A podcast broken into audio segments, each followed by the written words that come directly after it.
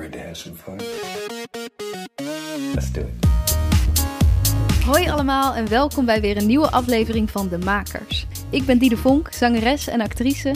En sinds ik ook zelfstandig muziek en theater ben gaan maken, merkte ik net als veel van mijn collega-makers dat ik tegen een aantal dingen aanliep. Vragen als hoe krijg je je werk aan de man? Hoe hou ik mezelf productief? En wat doe ik als ik even geen inspiratie heb? Daarom ben ik deze podcast begonnen, waarin ik elke week een inspirerende maker interview en vraag om tips. Dit keer spreek ik Daan Kuizijn. Daan en ik zaten samen in de klas op Codarts, waar hij na twee jaar muziektheater besloot om over te stappen naar de performanceopleiding van de Toneelacademie Maastricht. Dat bleek toch ook niet helemaal wat hij wilde. En toen hij daarmee klaar was, is hij nog een tweejarige master aan het Sandberg Instituut gaan doen richting beeldende kunst. Hij zit daar heel goed op zijn plek en zal dit jaar afstuderen. We hebben het over het taboe wat er in de kunstwereld ligt op praten over geld verdienen, over de realisatie dat originaliteit niet bestaat en geen doel op zich is, en over altijd meer willen en de lat hoger leggen. Veel luisterplezier, hier is Daan Kauzijn. Wie ben jij en wat maak jij? Ik ben Daan en um, ik ben multidisciplinair kunstenaar. En ik zeg bewust niet interdisciplinair kunstenaar, omdat dat eigenlijk inhoudt dat je alle disciplines die je uh, gebruikt of hanteert, dat je die uh, met elkaar vermengt. Of dat die allemaal in je praktijk verwoven, verweven, hoe zeg je dat? Zoiets. Zitten. ja. Gemengd. Dus, Zitten. wacht even. Multi betekent je gebruikt het allemaal. En inter betekent je... Ja, dus multi het. is meer van... Oké, okay, ik, ik maak bijvoorbeeld in dit project maak ik iets visueels. In dit project uh, maak ik iets muzikaals. Uh, niet per se uh, alles bij elkaar in één project. want ik vind dat vaak een beetje een... kijk wat ik kan show. Mm -hmm. En daar wordt het eindproduct of het resultaat wordt daar uiteindelijk niet altijd beter van, vind ik. Um, maar in een zekere zin zit het wel verweven in alles wat ik doe. Uh, natuurlijk, want je kan dat niet uitsluiten. Um, maar ik, maak, ik ben begonnen als uh, bij jou in de klas eigenlijk op Codarts. Ja. Um, modern muziektheater of musical. En uh, daar ben ik eigenlijk, ja, ik vind dat nog steeds, nog altijd een van de betere opleidingen die ik heb gedaan, omdat je daar echt gedrild wordt. Oh ja? Als in, ik vind dat je daar echt heel goed uh, getraind wordt. Mhm. Mm -hmm. uh, niet alleen um, als. Uh, want wij waren, hoe, hoe, jong waren wij toen wij daar. Ja, jij was echt jong. Ik was denk ik 19. Ja, ik was denk ik 16 of zo. Ja. Ja. Uh, dus niet alleen, je wordt niet alleen getraind gewoon in, in hoe je je staan houdt in zo'n vak, maar ook gewoon echt als machine. Gewoon dat je, ja, maar echt dat je gewoon acht shows per week kan doen met je ja, stem. Ja, en ja. dat heb ik nooit meer op, een, op geen enkele opleiding daarna zo ervaren. Dus ja, dus met die training ben ik eigenlijk heel erg begonnen en niet zo goed wetende wat ik daarmee ging doen. Dus heel erg, uh, ik vond muziek heel leuk en ik vond uh, theater heel erg leuk of op de vloer staan. En ik dacht dat is de perfecte opleiding, want dan kan ik dat met uh, tegelijkertijd doen interdisciplinair. Mm -hmm. Maar dat bleek uiteindelijk toch niet helemaal de juiste fit. Dus toen um, ben ik na, na twee of drie jaar ben ik gestopt. En ben ik naar de toneelacademie gegaan, waar ik performance heb gestudeerd. Uh, omdat ik dacht, oh ja, ik wil nog abstracter. Ik wil nog net iets meer vrijheid kunnen hebben om um, invulling te geven aan, aan uh, wat ik doe. Um, maar dat bleek ook niet helemaal de juiste fit. Maar toen dacht ik, ik maak dit gewoon Ja. even af. Mm -hmm. Uh, maar eigenlijk vanaf het tweede jaar op de toneelacademie begon ik uh, alleen maar beeldend werk te maken. Dus alle, heel veel Ah. video en alleen maar installaties. En als ik speelde of performde, dan was dat ook in uh, ander, andermans stukken. Um, wat ik nog steeds heel leuk vind, maar wat ik eigenlijk niet meer echt doe. Ik vind theater als medium um, heel beperkt en uh, gewoon niet helemaal passen bij mij. Mm -hmm. Dus nu uh, ben ik, uh, heb ik die opleiding afgerond en ben ik begonnen aan een masteropleiding beeldende kunst aan het Sandberg Instituut. En nu maak ik eigenlijk voornamelijk alleen maar um, video uh, installaties waarin ik in 3D software animeer met allemaal thema's die eigenlijk altijd over mezelf gaan, heb ik ontdekt. Um, ja, wat ik leuk vind om dan elementen of thema's die ik dan zelf meemaak heel erg uit te vergroten in zo'n video. Ja. Dus dat is een beetje wat ik doe. En daarnaast maak ik ook muziek. Ja. Ja, super veel verschillende dingen. ja. We race er even doorheen. Heel even, ik was benieuwd. Inderdaad, je zegt, uh, ik wist eigenlijk ook op die performersopleiding al vrij snel van ja, dit is toch niet helemaal. Ja. En toen ben je dus wel installaties gaan maken. Hoe werd er daarop gereageerd? Kon dat gewoon? Nou, ik had een mentor en die, die had zelf ook, ehm, die heeft zelf ook een achtergrond, of in ieder geval een hele erge fascinatie voor beeldende kunst. En sowieso in performance kunst, dat is natuurlijk al een best wel vage grens. Is Ja, dat theater ja. of is dat museum? En dat, vind, dat vond ik er ook heel interessant aan. Maar op de toneelacademie, wat natuurlijk een, een theateropleiding is, of een filmacteursopleiding, ehm, ja, het werd, het werd vaak in een theater gezet. En ook de programmeurs die daar kwamen kijken en die ons er dan uitpikten en Mhm. waar, ik dan mijn, waar ik dan mijn werk mocht tonen, dat was vaak in een theater.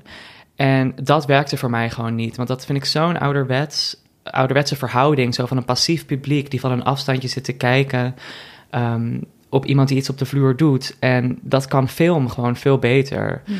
En wat ik interessant vind aan theater is dat het in het hier en nu gebeurt en dat je er echt bij bent.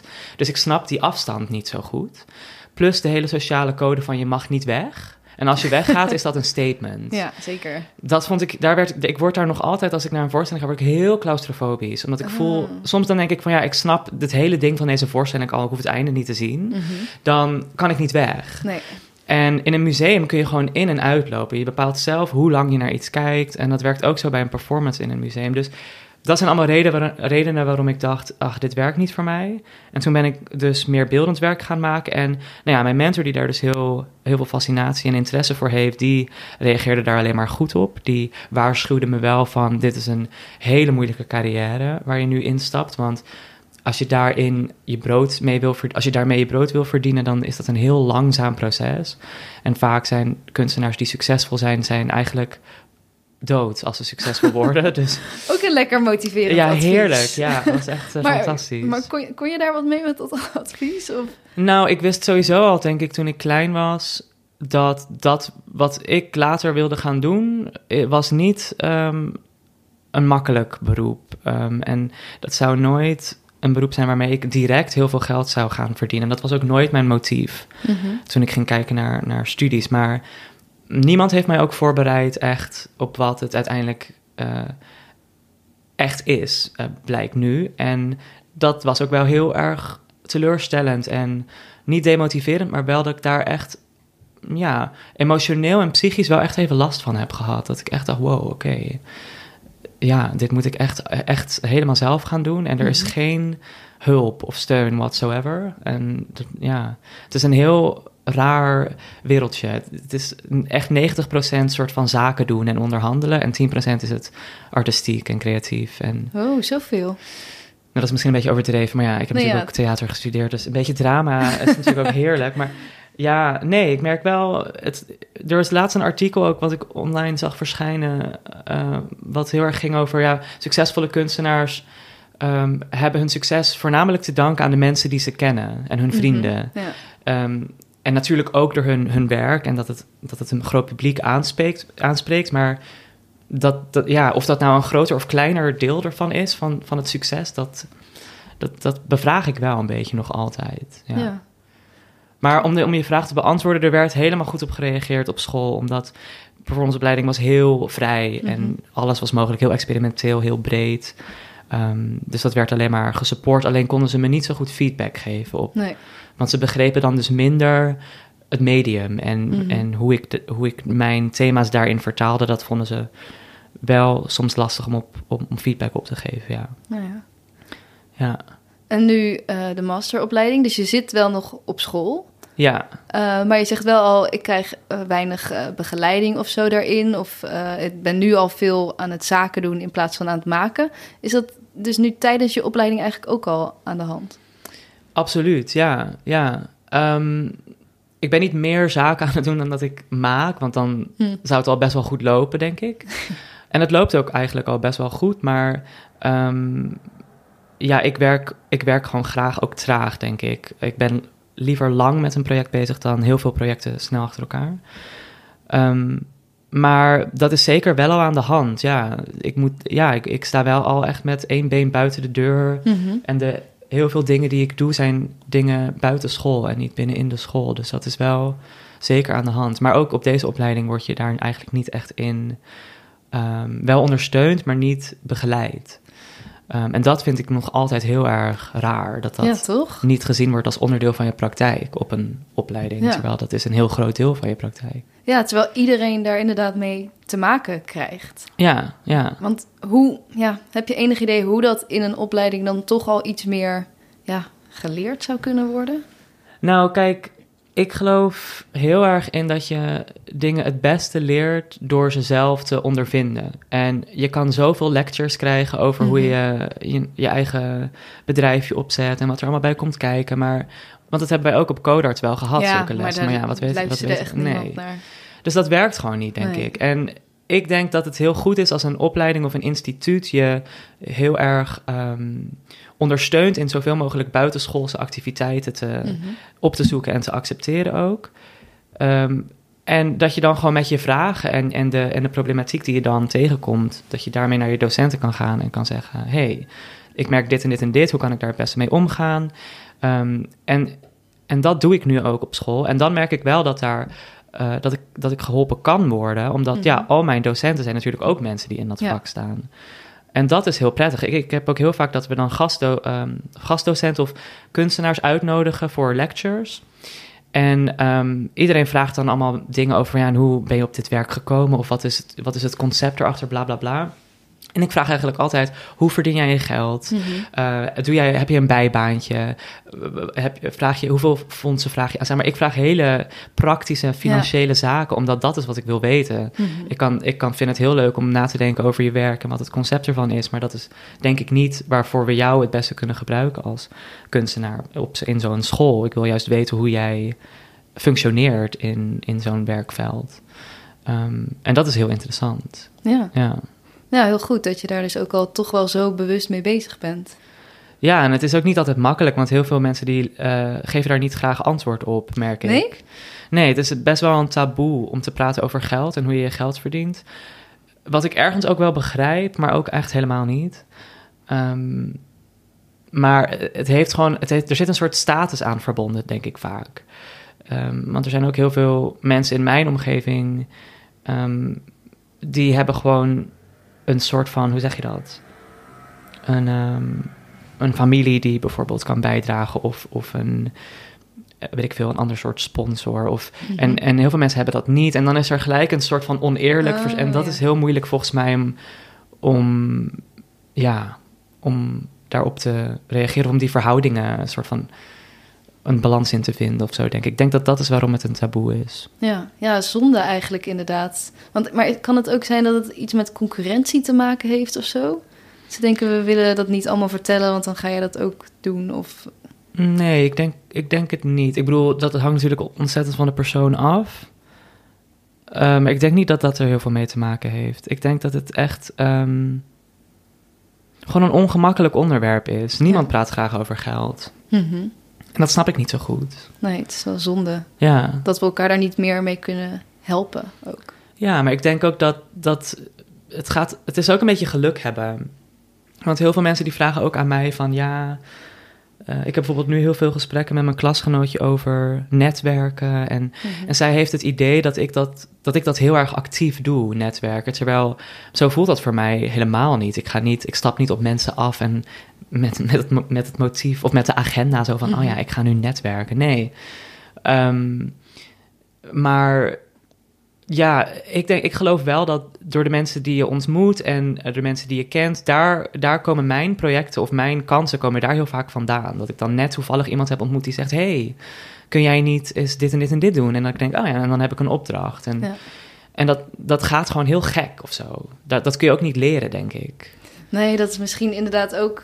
Jij ziet het dan misschien meer als ik ontmoet iemand en daar heb ik een leuk gesprek mee. Ja. En wie Ja. weet komt er dan een keer iets uit, maar dat is nooit met voorbedachte raden. Nee, nee, nee, zeker niet. Nee, want dat kan ik. Als ik dat met voorbedachte, ra- eh, voorbedachte raden doe, dan wordt het een heel raar gesprek. Ja. Dat kan ik niet hoor. Nee, ja, ik denk dat bijna niemand dat kan. Dat het Nee. of heel erg pusherig wordt, of dat je... Ja, ja. dat is hetzelfde als dat je als muzikant een label gaat bellen of e-mailen van... hey, ik heb muziek, breng het uit. Dat werkt gewoon niet. Dat- Ja, nou ja, ja, toch doen mensen dat natuurlijk ook weer wel. Je, ja, je stuurt gewoon je muziek op. Of doe Ja. jij dat dan nooit dat je je werk opstuurt naar bepaalde Nee. Nee? Nee, want ik geloof niet dat dat werkt. Want dan, is, dan zet je gelijk een statusverschil Ja. in, in, tot stand eigenlijk. Op een hele gekke manier. Terwijl als je gewoon een leuk gesprek hebt met iemand en je bent gewoon. Je, het klikt gewoon goed. Mhm. Dan vind ik het ook veel leuker om met zo iemand samen te werken. Ja. En als dat statusverschil er is van wow, jij bent eh, een established artist of Ja. curator en ik ben een, een jonge kunstenaar en Ja. ik, ik kan iets van jou. Ik moet blij zijn dat ik bij jou Ja, mag. dan is het een hele toxic eh, werksfeer, denk ik, of werkbalans, werkverhouding. Ja. En eh, nog even over die opleiding, want je was dus klaar met de performersopleiding. En ja, was het toen een moeilijke stap om te zeggen van... ik ga toch nog doorstuderen? Nee, echt totaal niet. Nee? Nee, Nee, omdat het, omdat het zo, ja, ik, ik kan niet heel erg zeggen dat ik daar, dat het een heel erg strategische move was. Ehm, wa- want ik, doe het heel, ik deed het heel ehm, intuïtief. En ik merkte gewoon op de toneelacademie... Ik, ik word heel enthousiast van een white cube en een gallery en een museum. En Mhm. ik vind dat... eh, Bijvoorbeeld er is één kunstenaar die heeft een, een, een, een geheel functionerende McDonald's... eh, in een museum gezet. En dan wordt het kunst. Ik vind dat iets wat gewoon heel interessant is. En dat, dat werd me heel duidelijk op de toneelacademie. Dus het was voor mij heel logisch om ehm, direct daarna nog naar een beeldende kunstopleiding te gaan. Eh, en dat heeft ook wel veel te maken met dat ik vind eh, dat je op een opleiding voornamelijk erachter komt wat je niet wil. Mhm. En dat een opleiding eigenlijk meer dient voor het opbouwen van een netwerk Ja. dan dat het dient eh, om jou op te leiden. Snap je wat ik bedoel? Ja, ja, ja, ik snap wel wat je bedoelt. Bij coders is dat misschien nog, toch net wel weer anders. Ja, maar dat is ook ja. een heel andere tak van sport. Ja. Je kan daar niet, dat ben, je- dan ben je het gewoon een, eh, je bent gewoon een atleet. Ja, Dus je kan daar niet ongetraind uitkomen en dan verwachten dat je iets met dat netwerk kan doen. Nee, precies. En dat is natuurlijk met alle opleidingen zo. Dat werkt ook bij een toneelacademie en ook bij een beeldende kunstopleiding. Maar ik geloof dat je dat automatisch al doet op zo'n opleiding, maar ook buiten zo'n opleiding. Want als je iets leuk vindt, dan ga je dat doen en daar leer je van. Je leert van Ja. die praktijk, Ja, niet van een lesje. Nee. Nee, maar je bent natuurlijk ook heel veel gaan doen op de toneelopleiding al. En Ja. nu veel gaan maken. En dat je er daardoor misschien ook wel achter komt van... Ja, dit vind ik vet. ja absoluut. Ja, ja. Zit je nu veel op school ook? Of eh, valt dat mee? Nee, ehm, het eerste jaar wel, want het is een tweejarige master. En het Mhm. eerste jaar was echt heel vol. En dan was het eh, workshop na workshop, project na project. ehm. En dat was heel leuk, heel leerzaam. Maar toen hebben wij wel, ik zeg wij, maar het was met name ik die heel erg zo opstond en zei van... nee, ik wil gewoon nu aan mijn eigen praktijk werken. Oh, wat goed. En ik wil gewoon nu zelf een soort handtekening ontwikkelen. En ik wil gewoon onderzoeken van wat vind ik interessant. En ehm, eh, ja, en wat voor medium zou ik graag willen werken. Want je komt op zo'n beeldende kunstopleiding en er zijn heel veel werkplaatsen. Je kan met metaal werken, je kan met glas werken. Dus ik wilde daar gewoon gebruik van maken. Ja. En ik wilde dan zien wat ik het vetst vond om te doen. En nu is het eigenlijk echt, dit jaar voelt meer als een residentie. Ja. Dus we hebben gewoon al die werkplaatsen en die ruimte en die begeleiding tot onze beschikking. Maar we mogen zelf weten wat we daarmee doen en hoeveel tijd we besteden aan een project. En we worden heel erg eh, eh, met rust gelaten in de zin van we zijn heel individueel aan het werk en we zijn heel autonoom al. Mhm. Wat ik heel fijn vind. Dus het voelt meer als Ja. een residentie dan een opleiding op dit moment. Ja, dan heb je denk ik ook een veel betere overgang naar, eh, de- naar, naar, naar het werkveld. Want als je Ja. eerst in een hele veilige omgeving van school zit... Ja. waar je inderdaad alleen maar aan het lessen bent... en er dan daarna opeens nog achter moet gaan komen... van wat wil ik zelf eigenlijk maken en hoe doe ik dat? ja. Eigenlijk een... Ja, maar ik denk ook dat dat per persoon anders is. Want ik was op Codarts al wel heel erg mijn eigen ding aan het doen. En ik, en ik, Mhm. ik nam natuurlijk alles wat de docenten zeiden wel heel serieus. Maar ik deed eigenlijk gewoon mijn eigen ding. Als ik het er niet mee eens was, dan dacht ik, wie, zeg maar, dan was het gewoon van oké, we're not a match. Ja, precies. Ehm, en dat, dat heb ik nog altijd. ja. Ehm, maar ik denk voor heel veel andere mensen is die veilige omgeving wel heel belangrijk ook. Eh, gewoon puur ook om, om een soort van mm, zelfvertrouwen te, op te bouwen. ja, ja, dat je vanuit een plek waar nog niks fout is of zo... Ja. kan ontdekken. Veilig kan onderzoeken Ja. en zo van oké, dit, dit eh, roept deze reacties op, dit roept deze. En ik denk dat dat voor heel veel mensen belangrijk is. En ik was gewoon wat koppiger en, Ja. en misschien wat egoïstischer in mijn eigen proces. Ja, maar je hebt daarin dus misschien ook wel veel meer eh, dat je het belangrijk vindt wat jij zelf van je werk vindt of zo, dan dat het echt heel, van heel groot belang is wat een ander daarvan vindt. Ja, ik heb wel als ik echt iets, eh, als, ik, als ik iets heb gemaakt en ik denk, oh, ik vind dit echt tof, ik word hier Mhm. enthousiast van. En dat is echt een, weer een intuïtief ding. Ja. Dus als ik voel van, oké, dit klopt gewoon. Voor mij Mhm. klopt dit. Dit is een juiste vertaling Ja. van waar ik mee bezig ben. Ehm, dan kan dat voor iemand anders niet kloppen. En dan vind ik dat een heel interessant gesprek ook. Dan wil ik Ja. daar alles over weten. Maar dan denk ik wel, oké, let's just agree to disagree. Ja. Want voor mij klopt het wel en voor jou. En dat vind ik ook iets heel moois aan beeldende kunst. Of sowieso kunst. Dat dat, je, dat, dat kan verschillen per mens. Ja. En dat dat niet uitmaakt. Nee. En daarom hou ik ook niet van beschrijvingen naast werken. Of Oh, in theater. Want dan kleur je het hele, de hele interpretatie al in. Ja, precies. En dat vind ik heel raar. Ja, ik vind dat dus soms fijn als ik geen idee heb waar ik naar aan het kijken ben. Ja, ja soms Maar- is het inderdaad. eh, Maar dat ligt dan misschien meer aan mij, dat ik soms denk dat ik het moet snappen of zo. En dat, terwijl het eigenlijk gewoon een interpretatie is natuurlijk. Ja, maar soms zit er wel een dusdanig concept achter die wel goed is om te Ja. snappen. Ja, precies. Dus het hangt ook een beetje van het werk af, inderdaad. Ja, En eh, straks, dan ben je klaar met school. ja, En dan? ja ehm, ik word daar heel enthousiast van. En natuurlijk vind ik het ook doodeng. Maar ik raak daar niet echt van in paniek. Maar ik ben wel in paniek geweest ehm, de afgelopen jaren. Omdat, ja, ik, ik het zeker met beeldende kunst. Ik was in eh, ik dacht dat als je ehm, exposeert in een museum of in een gallery, dat je dan betaald zou krijgen. Net zoals dat als je optreedt met je muziek of je doet een voorstelling, dat je dan betaald krijgt. Klinkt logisch. Ja, klinkt heel logisch.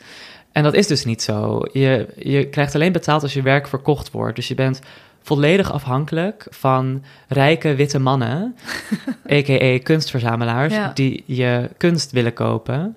En dat vind ik iets ontzettend bizars.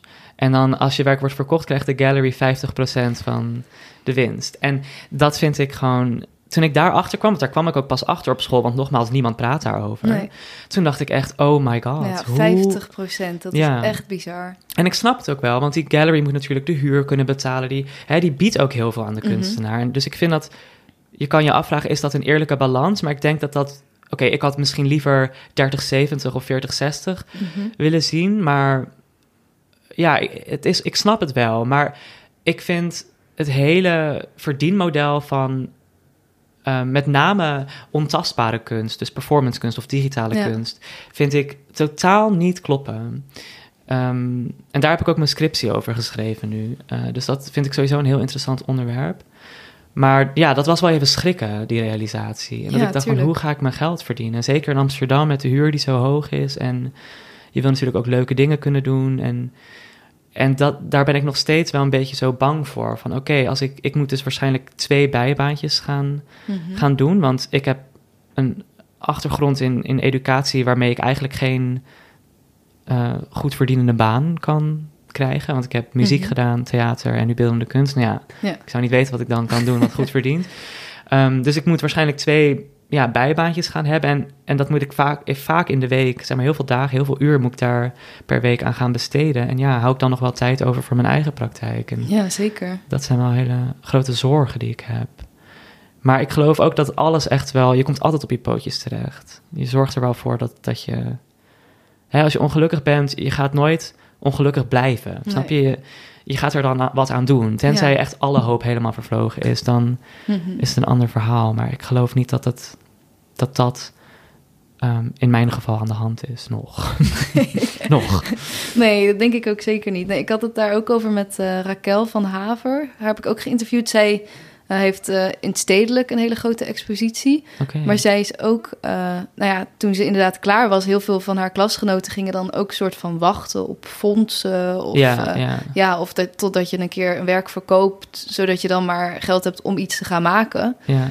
Maar ja, zij gaf inderdaad ook wel gewoon als advies van, ja, inderdaad veel baantjes, maar wel ook ondertussen zoveel Ja. blijven maken. En ja, want je hebt het gewoon niet in de hand. Eh, of ja, je hebt het wel in de hand, maar je moet het gewoon, ja, gewoon gaan doen. Ja, ja ik, vind, ik vind eigenlijk niet dat je het in de hand hebt. Want als kunstenaar moet je gewoon eerlijk betaald Ja. worden. Mhm. En ook in mijn scriptie, er is één zo'n... oh, hoe heet dat ook weer? Wat erg, nu weet ik de naam niet meer. Ik weet even niet meer hoe het heet, maar er is één soort van initiatief... wat werd genomen in Londen. Mhm. En dat, dat vergeleek het verdienmodel van beeldend kunstenaars... veel meer met dat van muzikanten of theatermakers. En dat als een museum je werk toont voor bijvoorbeeld drie maanden... wat een best wel lange periode is... Mhm. dan, dan huurt het museum als het ware je Ja, werk. En dan krijg je gewoon, heb je een maandelijks salaris. Voor zolang dat werk daar staat. Want zij moeten gewoon een huurbedrag betalen. En als het werk dan verkocht wordt, dan gaat dat geld absoluut gewoon naar jou. En misschien een Mhm. gedeelte of een percentage ervan naar het museum. Ehm, en, maar op die manier kan de, kan de kunstenaar heeft een iets, iets meer, eh, iets grotere zekerheid financieel gezien. En dat zijn wel dingen die ik goed vind dat er over nagedacht moet worden. Want het huidige verdien, het traditionele verdienmodel voor, voor kunstenaars is gewoon, ja. is gewoon heel raar, is gewoon belachelijk. Ik vind het ook niet echt meer van deze tijd of zo. Absoluut niet. Dat je, omdat je eigenlijk ook juist inderdaad best wel autonoom bezig bent. Hoezo kan jij dan niet autonoom je werk verkopen of zo? Ja, en daarom begrijp ik ook nu waarom kunst zo enorm duur is. Ja. Natuurlijk heeft het een bepaalde soort van aura van de kunstenaar erin. Mhm. en, en het is ook heel erg zo ehm, high culture nog altijd, Mhm. wat ik ook een beetje bizar vind. Maar nu snap ik waarom het zo duur is. Omdat die kunstenaar moet gewoon ehm, zichzelf de zekerheid eh, kunnen ehm, veroorloven om een aantal weken of misschien zelfs maanden met dat geld om van dat geld te kunnen leven Ja, en dan nieuw werk te kunnen Ja. maken. En als je geen fonds eh, krijgt of je hebt geen sponsor of je hebt, je hebt gewoon geen stok achter de deur, is dat de juiste uitspraak? Ja, dat. Dan, houdt het gewoon heel snel eigenlijk op. En ik ben heel erg bang dat ik verdwijn in de bijbaantjes en dat ik geen Ja. energie meer heb om daarnaast, als ik thuis kom, ook nog door Ja, te blijven dat is werken. een gevaar, ja. Ja. Ja. want ik ben heel lui. en ik wil heel graag ook gewoon eh, Secret City op Netflix afkijken. En ja, dat vind ik ook belangrijk. Dat ik ook ontspan. Ja, maar ik heb dat zelf ook heel erg. Dat als je niet die, die ja, ruimte in je hoofd hebt om creatief te zijn of zo, dan, dan, dan lukt het ook ergens niet. Of Nee, Daar heb je echt inderdaad wel tijd voor nodig. En als je zo vol zit met andere dingen, dan is dat toch lastig. Ja, ja. En eh, helpt het bij jou bijvoorbeeld dat je dan ook, want jij maakt, daar hebben we het nog helemaal niet over gehad, maar jij maakt ook muziek, Ja. dat je daar wel ook nog losse optredens en dingen mee kan doen? Hmm, ja, ik denk wel dat dat helpt. Al betaalt dat ook schandalig weinig. En met muziek is het eigenlijk nog moeilijker, vind ik. Ja? heb ik ervaren. Omdat, ja, als een curator mij vraagt om werk te, eh, om tentoon te stellen, dan kiest die curator wel echt vanuit een concept wat zij ontwikkelt, kiest zij heel specifieke kunstenaars die daarin passen. Mhm. Dus ik, ik word echt gevraagd om mijn werk. Ja. En als ik nee zeg, dan kan ze wel een andere gaan zoeken en vinden. Maar er is een minder grote rij van mensen Ja, die allemaal plan B zijn. maakt. Precies. Dus, en in muziek, als ik nee zeg, staat er echt een ander bandje in de rij die ze kunnen vragen. En ja, ik merk dat ik soms echt ja moet zeggen tegen eh, dat ik een eh, set doe van 40 minuten originele muziek, dus waar heel veel tijd en moeite in heeft gezeten. Ehm, en dat ik dan 100 euro krijg voor die 40 minuten, die ik dan moet verdelen door twee, want ik werk met iemand samen. En die moet ook betaald worden. Of Ja. die moet, ja, ik kan dat niet, niet aan hem geven, snap je? Ik vind dat dat echt 50-50 verdeeld moet worden. Ehm, ook al is dat mijn project, ik bedoel, hij, hij steekt er net zoveel in, eh, tijd en energie in als ik. En ja, van de 100 euro blijft dan 50 euro Ja. over. En dat is gewoon, ja, schandalig. Dat Ja. is gewoon echt, als je bedenkt hoeveel tijd daarin zit, is dat gewoon echt... eh, en ik heb ook vrienden die zijn DJ en die draaien soms een uurtje en die krijgen 800 euro. Ja, daar zit ook weer een hele rare... Ja. Ja. en die geven gewoon toe van ja, ik maak gewoon een selectie van muziek die ik wil draaien. Dat, dat kost mi- misschien een half uur de tijd. En dan denk ik, ja, dat, dat is wel een hele rare Ja. ja. verhouding. Maar hoe meer... Kijk, nu heb ik natuurlijk ook stufie en ik, ik heb een soort van rare financiële zekerheid. En dan zijn de, de optredens die ik doe met mijn muziek en alle tentoonstellingen die ik doe... zijn meer een soort van leuk bijverdienen. Ja, ja, ja. En, en ik heb bijvoorbeeld nu wel van dat geld een hele dure rendercomputer gekocht, waarmee ik echt, eh, ja, die echt, zeg maar, heel, ehm, hoe zeg je dat, die heel krachtig is. Ja, waar je veel ja, videodingen mee kan maken. Precies, ja. En, en dus ik, dat is heel prettig dat ik van dat Ja. geld, ik hou dat echt allemaal apart op een zakelijke bankrekening. En dat geef, dat daarmee investeer ik echt in mijn eigen praktijk. Ehm, maar ja, als zometeen die stufie wegvalt, ja, I don't know. Ik kan niet rondkomen van mijn muziek, ik kan niet rondkomen van mijn tentoonstellingen. Ehm, en ik kan ook niet rondkomen van eh, de bijbaantjes die ik nu doe, want ik heb er twee. Dus ja, dat is wel. Ik, word, ik kom nu echt rond door mijn stufie. Dus dat, Ja. als dat wegvalt, dan is Mhm. het wel van: oké, ja, hoe, hoe nu verder? Ja, Ja. wat dan? ja, Ja, maar dat, wat je zegt, ik denk daar vind je dan ook een manier voor. ja en misschien absoluut. is dat ook even balans zoeken of zo. Dat je eerst te veel aan het werken bent en daardoor ja, te weinig creatief bezig kan zijn. Nou ja, dan, dan merk je dat en dan moet je dat weer aanpassen. Ja, ja en, en, en wij zijn natuurlijk ook allemaal heel erg geprivilegeerd. Tuurlijk. Dus eh, daar ben ik me heel bewust van. Ja. Ik, ik weet wel dat ik. Hoe, hoe ik nu leef is best wel luxe. Mhm. En ik, ga, ik realiseer me dat ik dat ook ga moeten opgeven na, na school. In ieder geval voor een tijdje. Ja.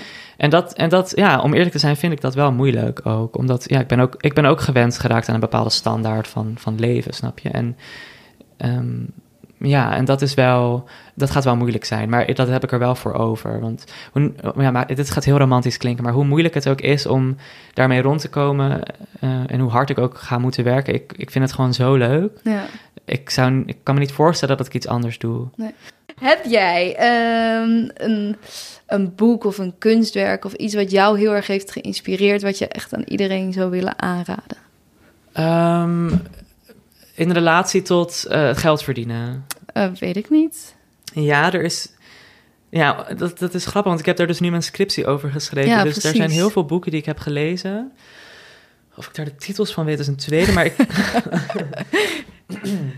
maar er is wel één boek die mij als kunstenaar wel heel erg heeft. eh, ja, heel, heeft, heel erg veel heeft geholpen. En dat is een boek dat heet Steal Like an Artist. En dat gaat eigenlijk helemaal niet over dit onderwerp. Maar het heeft me wel heel erg geholpen in mijn praktijk. Want ik heb een scriptie op de toneelacademie geschreven over authenticiteit en hoe ik niet geloof dat dat bestaat. Mhm.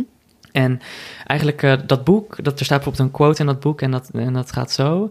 ehm, eh, originality is undetected plagiarism.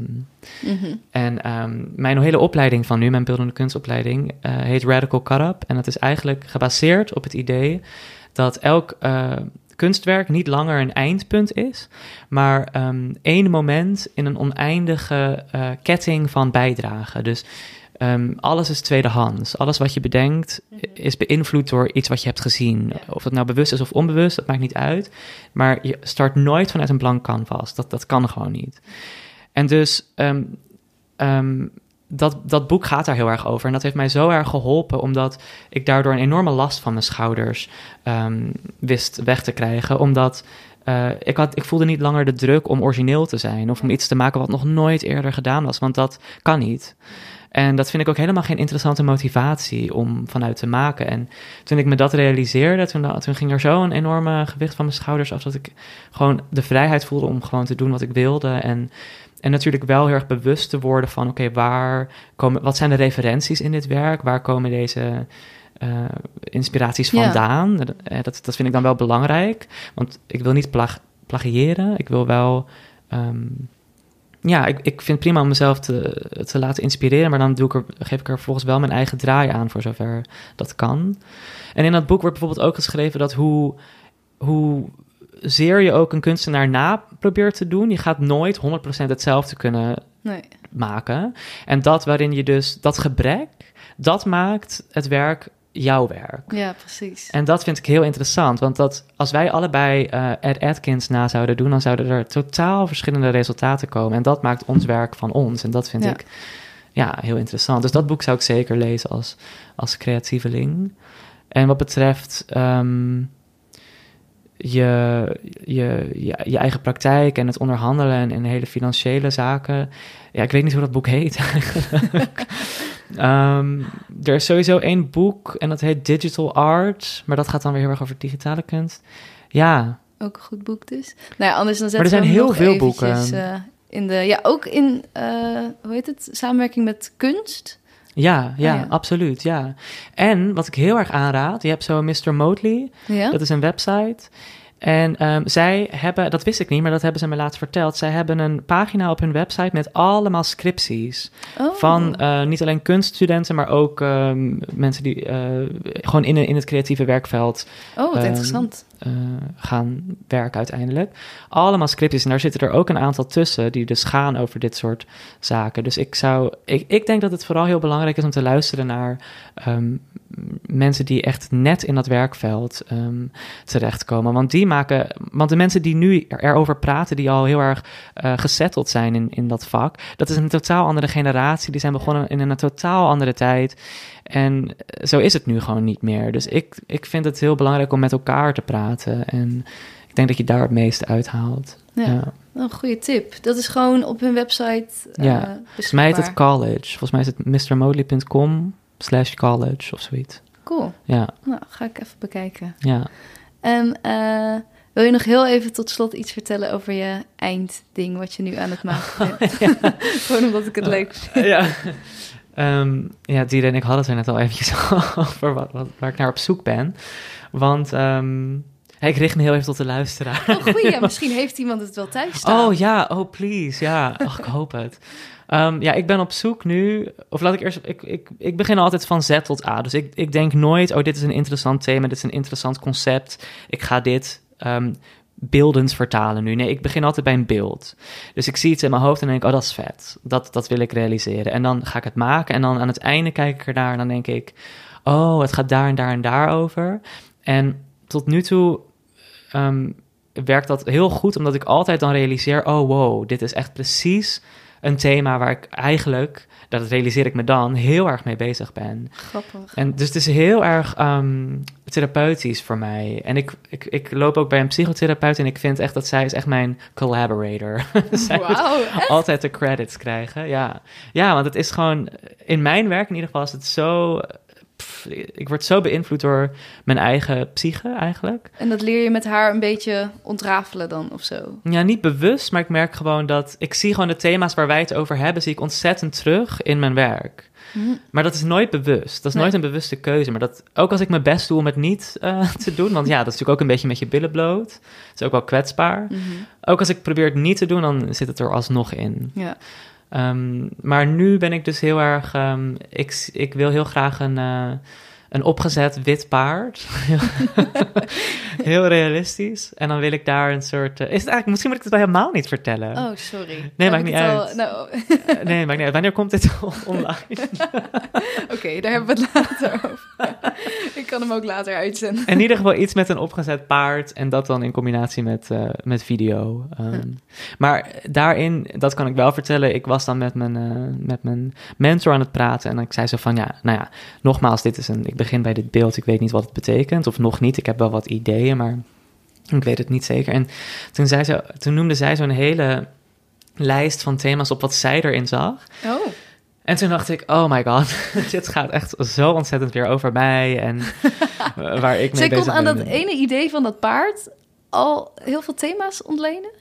Ja. Oh, ja, dan heb ik natuurlijk wel iets, iets meer uitgebreid verteld wat ik, daar, wat ik met dat paard wil doen. Maar dus de thema's die ik al eerder in mijn werk heb eh, ehm, ja, laat, ja, gecommuniceerd. En ik bedoel, ik ben heel erg geïnteresseerd door zo 3D-animatie en hyperrealistische menselijke figuren te animeren. En dat artificiële daarvan vind ik heel interessant. En wat voor ro- rol speelt emotie of kan emotie spelen in zoiets artificieels? En ehm, dus dat is ook waar bijvoorbeeld een heel realistisch opgezet paard, wat toch artificieel is in zekere Mhm. zin, vandaan komt. Omdat dan wil ik iets wat normaal gezien digitaal is of tweedimensionaal, doordat het op een scherm te zien is of op een projectie, iets meer driedimensionaal maken. En ehm, door, door het zeg maar gewoon echt fysiek in de ruimte te hebben staan. En dat, ehm, dus ik legde haar uit waarom ik die thema's wil behandelen. En toen zei zij van, oh wat grappig, want zij kent mij onderhand heel goed. Mhm. Ze zei van, oh ik zie daar echt dit en dit en dit en dit in. En, dat, dat, en toen dacht ik, oh ja, dat, dat gaat natuurlijk weer gewoon over mij. shit. Ja, ze zei ook zo dingen als, ja, prins op het witte paard en dat soort Oh. dingen. En toen dacht ik, oh ja, oké, ja, nou, daar kan ik, kan ik me ook wel in vinden. Ja, dat ben ik. Eh, nou, dat ben ik niet, maar... en nu heb ik bijvoorbeeld één zo'n paard wat ik op, op het oog heb, wat opgezet is, wat zo ligt. Eh, Oh. En, en dat, eh, ja, daar, ik denk dat ik daar wel iets mee kan doen. Kijk. Ja, dus als je dit wil zien, het eindresultaat, Ja. kom in juni naar de, naar de Lawyersgracht 60. En dat is een gallery en daar hebben we onze afstudeershow. Oh, Ehm. leuk. Daar zal ik zeker nog wel even naar linken Ja, voor ja, mensen die daarheen willen. Ja, gaat heel leuk zijn, denk ik. Cool. En nog even tot slot, slot. Wat, PS. PS. Wat, wat zie jij voor de toekomst? Blijf jij altijd dit doen? Of in ieder geval iets wat niet makkelijk is? Of denk je, nou, op een gegeven moment wil ik ook gewoon een makkelijke baan en... eh, Hmm. Hmm, ik had als kind heel erg een, eh, een obsessie met wereldfaam. mhm. Eh, als, als het niet dat wordt, dan liever niks. ik heb echt zo'n alles of niets mentaliteit. Ja? Ja, dat heb ik nog altijd. En daar kun je van alles van vinden. Daar vind ik ook van alles van. Maar dat is voor mij een enorme drive, toch? Ik, ik leg gewoon de lat heel hoog. Ehm, en dat is ook iets geks, want zodra ik iets heb bereikt... bijvoorbeeld, oh ja, ik heb een tentoonstelling. Dat was toen ik begon met beeldende kunst, was dat echt iets groots voor mij. Toen ik mijn eerste tentoonstelling had, dacht ik echt yes. En nu, eh, zodra je die lat behaalt, leg je hem ook weer Ja, hoger. Zeker. Dus nu eh, zit ik te wachten op mijn solo tentoonstelling.